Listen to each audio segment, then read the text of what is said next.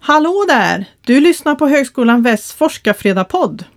Radioprofilen Morgan Larsson samtalar med våra forskare kring vad forskar de om, varför då och hur nördiga är de egentligen? Så varsågod och häng med! Välkommen till Forskarfredagspodden kära lyssnare. Morgan Larsson heter jag och forskaren med mig idag är ingen mindre än Sabina Kapetanovic. Välkommen hit! Tack ska du ha! Roligt att ha dig här Sabina. Ja, jättekul att vara här. Du är ju inte bara doktorand i välfärd och socialvetenskap vid Hälsohögskolan i Jönköping utan även adjunkt i psykologi här på Högskolan Väst. Stämmer bra. Där vi nu befinner oss också. Mm, exakt. Eh, vad jag förstår så forskar du främst på ungdomars beteende och utveckling. Precis. Och med särskild fokus på risktagande. Det här tyckte jag var väldigt intressant för jag, eh, när jag tänker på min egen, mina egna tonår, eller tonåringar överhuvudtaget, så är typ det andra, första ordet som dyker upp efter det är risk. Mm. Jag menar, jag, jag, tror också att folk betraktade mig som en sorts riskmoment. Va? Vad, vad händer om jag ger honom det här ansvaret nu då? Vad kommer att hända? Risk är väldigt nära förknippat. Mm. Ja. Är det därför det blir forskning kring det? Absolut. Ja, och just ungdomar, alltså det är ett väldigt beforskat område i och med att det är under, ungdomstiden som det här risktagandet börjar öka egentligen. Så under barndomsåren så är inte risktagandet så högt som det är under ungdomsåren och sen liksom när man blir vuxen så, blir liksom, så tar man lite mindre risker och så vidare. Och man kan bara tänka sig liksom om man tar någonting som Liseberg ja. till exempel. Vilka är det som åker på de mest läskiga attraktionerna? Det är ju ungdomar såklart.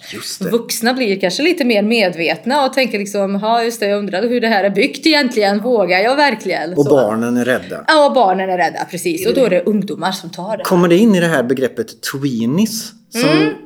jag vet används. Är det just det, tweenie, är det, vilken ålder är det?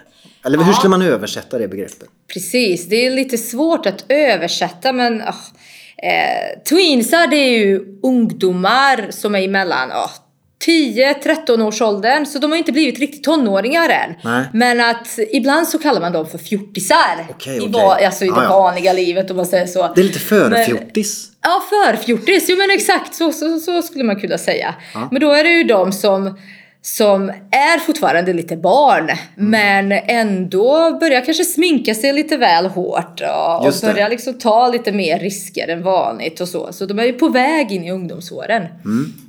Eh, där blir man alltså mer risktagande eller händer det någonting med en? Blir man sugen på risk? Vill man? Är det gränstestningen eller vad är det där som? Mm, precis, ja men det är ju gränstestning och sen så är det ju så att det finns rent av kognitiva funktioner i hjärnan som gör att risktagandet ses som någonting mer belönande. Så att eh, ungdomar ser de här riskerna liksom som belöningar i sig. Så att de får liksom någonting, de får en kick utav det. Och då blir det mer spännande. Samtidigt som det här konsekvenstänket är inte så utvecklat som det är hos vuxna. Och därför, därför tar de de här riskerna. Därför åker de till Liseberg men också liksom testar alkohol och det är kanske kriminella handlingar och, och olika liksom sociala risker. Ju mer du berättar desto mer nyfiken blir man på forskningen. Mm. Och eh, du, du, forskar också på relationen mellan ungdomar och vuxna och dialogen dem emellan och hur den är. Precis. Eh, har du något att säga om det? Ja, alltså det som jag forskar om är framförallt föräldrar-barn-kommunikation. Sen så går jag också in på eh, ungdomar och kompisars inverkan på deras beteende. Så det är inte bara de vuxna och, och ungdomarna. Men just den här studien som jag gjorde om föräldrar och, och ungdomar, det handlar om just liksom hur mycket föräldrar vet vad barnen gör eller vad de här ungdomarna gör och på vilket sätt det påverkar det här risktagandet. Och sen också hur vet föräldrar det som de vet? Mm. Så det som jag tittar på är det är det föräldrars kontroll, alltså att föräldrar måste kontrollera och ha, liksom, ställa krav på deras ungdomar liksom, när de ska komma hem och så vidare? Eh, är det så att de luskar runt, liksom ringer till kompisars föräldrar? Eller är det så att barnen faktiskt kommer fram till föräldrar och berättar själva? Alltså det pågår en del kommunikation där, eh, dem emellan.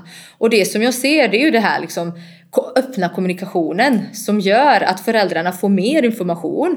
Men det gör också då att föräldrarna kan eventuellt påverka sina barn liksom på ett bättre sätt än att bara liksom vara överbeskyddande och sätta upp en massa regler som barnen inte riktigt, vad ska man säga, eh, är överens om. Så, så det det landar i är lite att har man en öppen kommunikation och inte är för dömande eller för hård mot barnen Exakt. då, och man inte är dömande, då har man större chans att få inflytande. Exakt, precis. Och varför blev det just det här forskningsområdet för dig med ungdomar? Vad var det som väckte din nyfikenhet om den här? Var du väldigt risktagande? Hade du typ ett sån här eh, trotsålder utan dess like? Ja, just det. Jag tror att många kan känna igen sig i, i detta. Du känner igen dig? Jag, jag känner igen mig själv, det är klart. Men sen så är det så, liksom, ungdomstiden, det var min bästa och min värsta tid egentligen. Och det, det är ganska vanligt att det är så, för det är liksom en ganska stor process. Och jag själv, jag kom till Sverige som 13-åring, så då var jag, skulle man kunna säga, en tweenie själv. Och liksom sökte efter min egen identitet och vem jag är. Och så är man i en ny liksom, kultur, nytt samhälle och så. Så eh, det är klart att då, då tar man kanske lite mer risker och, och söker liksom efter den identiteten som man, som man vill ha. Var, var det någon speciell detalj eller någon speciell grej som fick dig att bli intresserad av det här sen längre fram? Någon erfarenhet i ditt liv? Ja, nej, jag vet inte riktigt så, men jag, jag blev ju lärare eh, därefter. Jag har jobbat som lärare ett tag. Och det är klart, då, då träffar man ju en del ungdomar med eh, alltså olika typer av beteenden med en viss problematik och så vidare. Och då kände jag själv att det vore väldigt intressant att få lite mer grepp om detta. Liksom fördjupa sig i hur ungdomar lever överhuvudtaget. Men hur blev du lärare först då efter denna revolterande tweenie-tid? Ja, just det.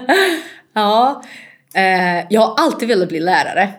Och, jag vet, och varje gång jag säger det så, så, säger folk som en, är det sant? Har du alltid velat bli lärare? Ja, faktiskt. Eh, och, alltså jag har alltid liksom satt upp mål för mig själv. Oavsett liksom hur livet har varit och liksom vad som har hänt så har jag alltid haft mål. Och då var det liksom mitt mål att bli lärare. Så jag började plugga till lärare i tyska och engelska. Eh, Men sen så ändrade jag inriktning och tänkte liksom, men psykologi och religion, det är kul. Så eh, då blev jag lärare i psykologi och religion. Eh, Men har undervisat ganska länge i tyska och engelska då, så jag har haft liksom väldigt mycket för mig. Och där fick du ju på något sätt också en grund till den forskning du har nu Ja. med psykologi och med även religion och världsåskådning och sånt. Absolut, verkligen. Så det känns liksom att det, det har funnits någon typ av mening med allting som jag har gjort, som tur är. Annars hade det varit lite konstigt. Eh, spontant när vi pratar om det här så känns det som ett viktigt, eh, alltså det, det fattar man direkt, det här är ett viktigt forskningsområde. Hur bättrar man på kommunikationen? Vad händer när man är ung när allting liksom vänds upp och ner och sådär. Eh, men vilken nytta tänker du att det konkret, din forskning, att du skulle önska att den hade? Mm, ja men precis. Eh, alltså, jag tror att överlag så är det väldigt viktigt för oss att veta hur ungdomar lever sitt liv. För ofta är det så att just under ungdomstiden så finns det en revolt mot vuxenvärlden för att ungdomar litar inte direkt på, oss vuxna. Och då är det ganska viktigt att få reda på liksom hur, hur är de här ungdomarna och vad är det de behöver och vad är det vi behöver också för att liksom lära känna dem på rätt sätt. Så att jag tror som förälder så är man alltid nyfiken på hur man ska liksom umgås med sina ungdomar eller sina tonåringar. Hur man ska, vad ska man säga, eh, reagera på det som de gör och så vidare och hur man kan förbättra kommunikationen. Men sen så är det så liksom att lärarna behöver också eh, lite mer redskap att veta hur eh, Ja, hur ungdomarna har det och liksom på vilket sätt man kan hjälpa varandra. Så jag tror liksom att all forskning som har med ungdomar och ungdomstid att göra är väldigt nyttig. För att bättra på kommunikationen och få bort konflikter. Ja men precis, ja. Och skapa någon slags tilltro liksom mellan de här två olika världarna. Man brukar prata om ungdomskultur och, liksom, och kultur överlag. Så att, liksom, att försöka skapa någon slags bro över de just det. här olika kulturerna. Alltså finns det någon grej så här när du berättar om din forskning så här, pratar med en vanlig människa som mig som inte är forskare eller du står och minglar någonstans och någon är nyfiken och när du berättar det så bara de Va? Jaha? Har du någon sån, finns det någon sån detalj eller något du kommer ihåg? Kan jag komma på? Ja, precis. Eh, Alltså, kanske inte direkt när jag säger att jag forskar om ungdomar, för många tycker det är jättespännande. Men när jag säger att, ja, hur får ni reda på liksom den här informationen? Ja, men det är, vi samlar in enkäter och då arbetar vi med, liksom, med statistik och gör olika analyser och då kan bli då folk kan liksom, jaha, gör ni det? Är det verkligen roligt? Liksom, hur Men det, så fort du säger man? ordet statistik Ja. så slocknar öronen. Ja, lite så, precis. Men det är faktiskt jättekul. Lyckades du få dem att öppna öronen igen då eller? Ja, det är inte Men vad är det som är så kul med statistik? För det tror jag, om det är någon som lyssnar här, funderat lite på forskning och så hör de ordet statistik och så får de, jag blir ju svettig i alla fall. Ja, precis. Men vad är det som är så roligt med det då? Alltså det som är så roligt det är att man kan sitta och greja liksom med det och göra olika analyser hela dagen om det är som man sitter vid en dator och då kan man titta på liksom vilka, nu pratar jag om variabler, alltså vilka delar i statistiken som kan påverka varandra. Och där har vi ett sånt här, Ja. variabler är ett sånt ord också Ja, som skrämmer exakt. bort en. Men samtidigt hör man på din ton att det låter, man kan sitta hela dagen, det låter som du pratar om att man kan spela tv-spel, Ja, man kan så. sitta och göra så. Är det så roligt? Ja, man brukar säga att man leker statistik. Det är lite, lite nördigt kanske, men, men faktiskt ganska kul. För man får reda på ganska mycket svar eh, genom att göra den här eh, analysen. Mm, och kommer närmare. Och kommer närmare resultatet, kommer närmare till liksom, olika svar. Och får aha-upplevelser då längs vägen. kanske. Ja, absolut. Eh, alltså, det låter ju väldigt nördigt när man hör dig berätta så. Du låter som en nörd. Och jag hoppas du tar det som en komplimang. För att jag som också är nördig på vissa områden kan bli... Jag tänker på det ibland med forskare. Här sitter de och får betalt för att nörda ner sig i ett ämne de är intresserade över. Medan man själv får passa på på fritiden. För det är ingen annan jävel som är intresserad av det man vill veta allt om. Om det är liksom Hank Williams eller någon annan, vad som helst. Va? Då får man själv leta det. Men kan du känna ibland så här, förutom statistiken då, jag gissar att du märker det. Men, men hur är det ibland? Kan du ibland känna så här, åh gud vad nördig jag är. Alltså när du går, har gått så långt. Jag tänker, jag har en kompis som är väldigt intresserad av bilar och mekar med bilar och han blundar och lyssnar på mot. Han är inte nöjd förrän det hörs bra. Det räcker inte att bilen går som en klocka va.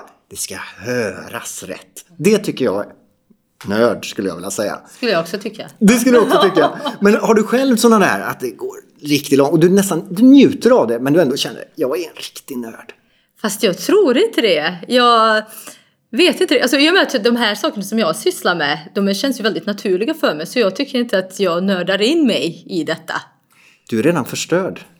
Du har blivit nördblind. Och det har jag nog blivit. Man kan väl säga att jag älskar mitt jobb. Så är det.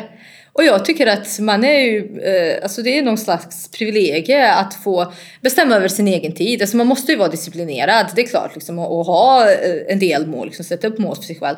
Men ändå att man har den möjligheten att, eh, att göra det som man verkligen är intresserad av. Och sen att diskutera de frågor som man är verkligen intresserad av med sina kollegor och, och eh, sådär. Och sen just som jag sa bestämma över sin egen tid liksom, och jobba där man, där man själv vill.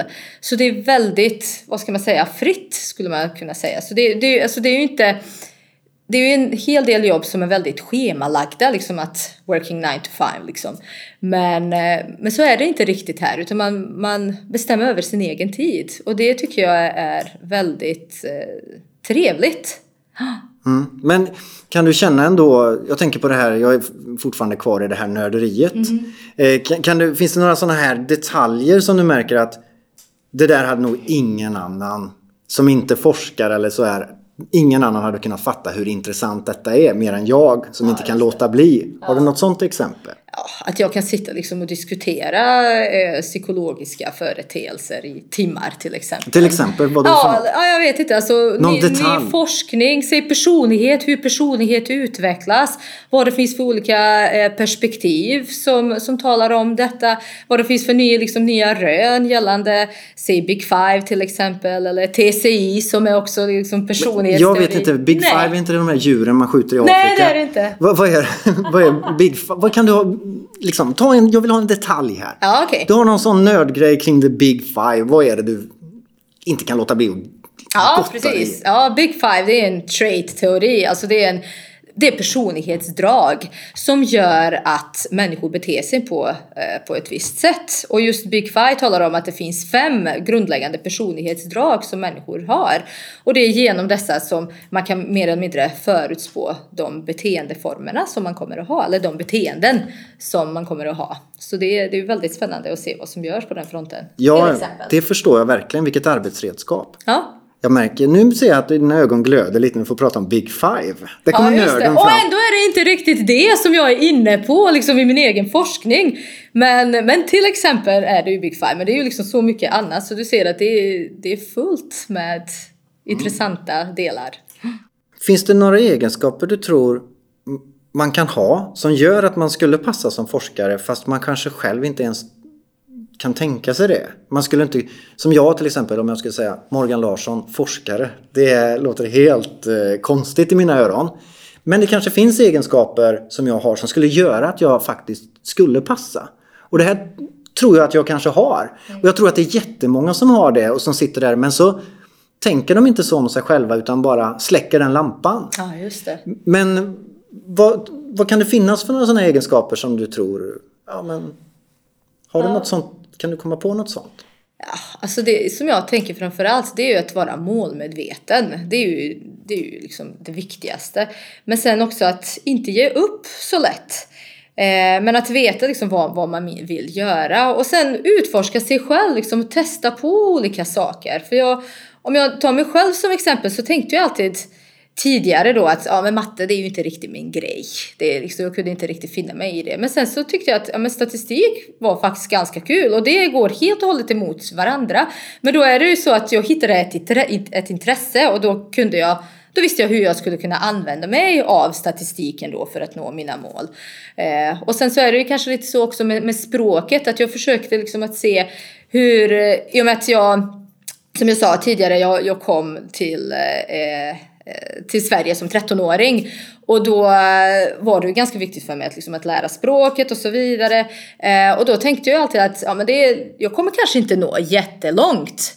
Eh, men i och med att jag satte upp, satte upp en del mål för mig själv så, så tyckte jag ändå att jag lyckades och språket förbättrades. Och, eh, alltså man lär sig väldigt mycket liksom på vägen dit, bara man inte ger upp. Mm. Och inte identifiera sig med att det där är ingenting för mig, för det ja, kan det faktiskt vara. Exakt.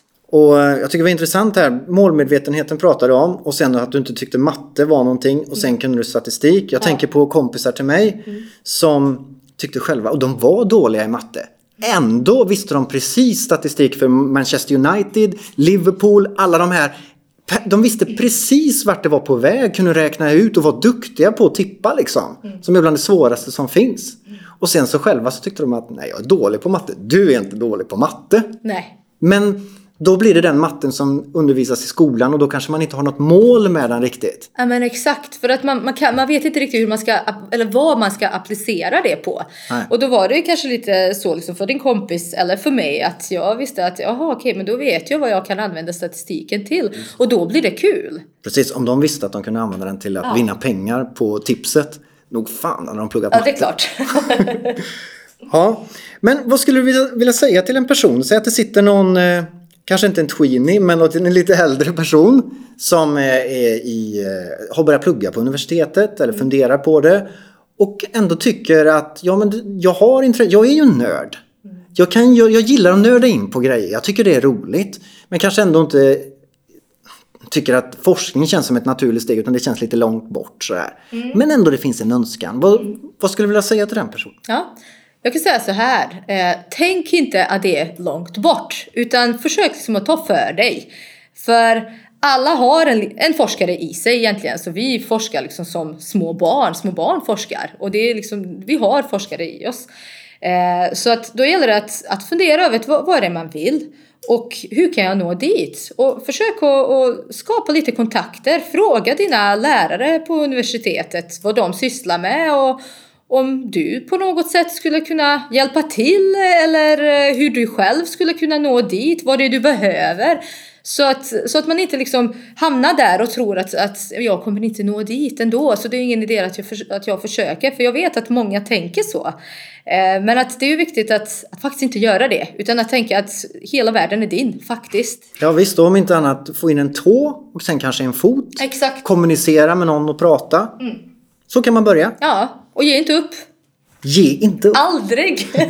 Tack så jättemycket för att du ville vara med här Tack. i, i podden. Eh, Sabina Kapetanovic och eh, ha det så bra nu. ja, Lycka tack. till med forskningen. Tack. Med dina tweenies. Mm. Tack ska du ha. Hej då! Hej då! Du har nu lyssnat på Forskarfredagpodden från Högskolan Väst. Det är en del i serien om våra forskare och vad som inspirerar dem.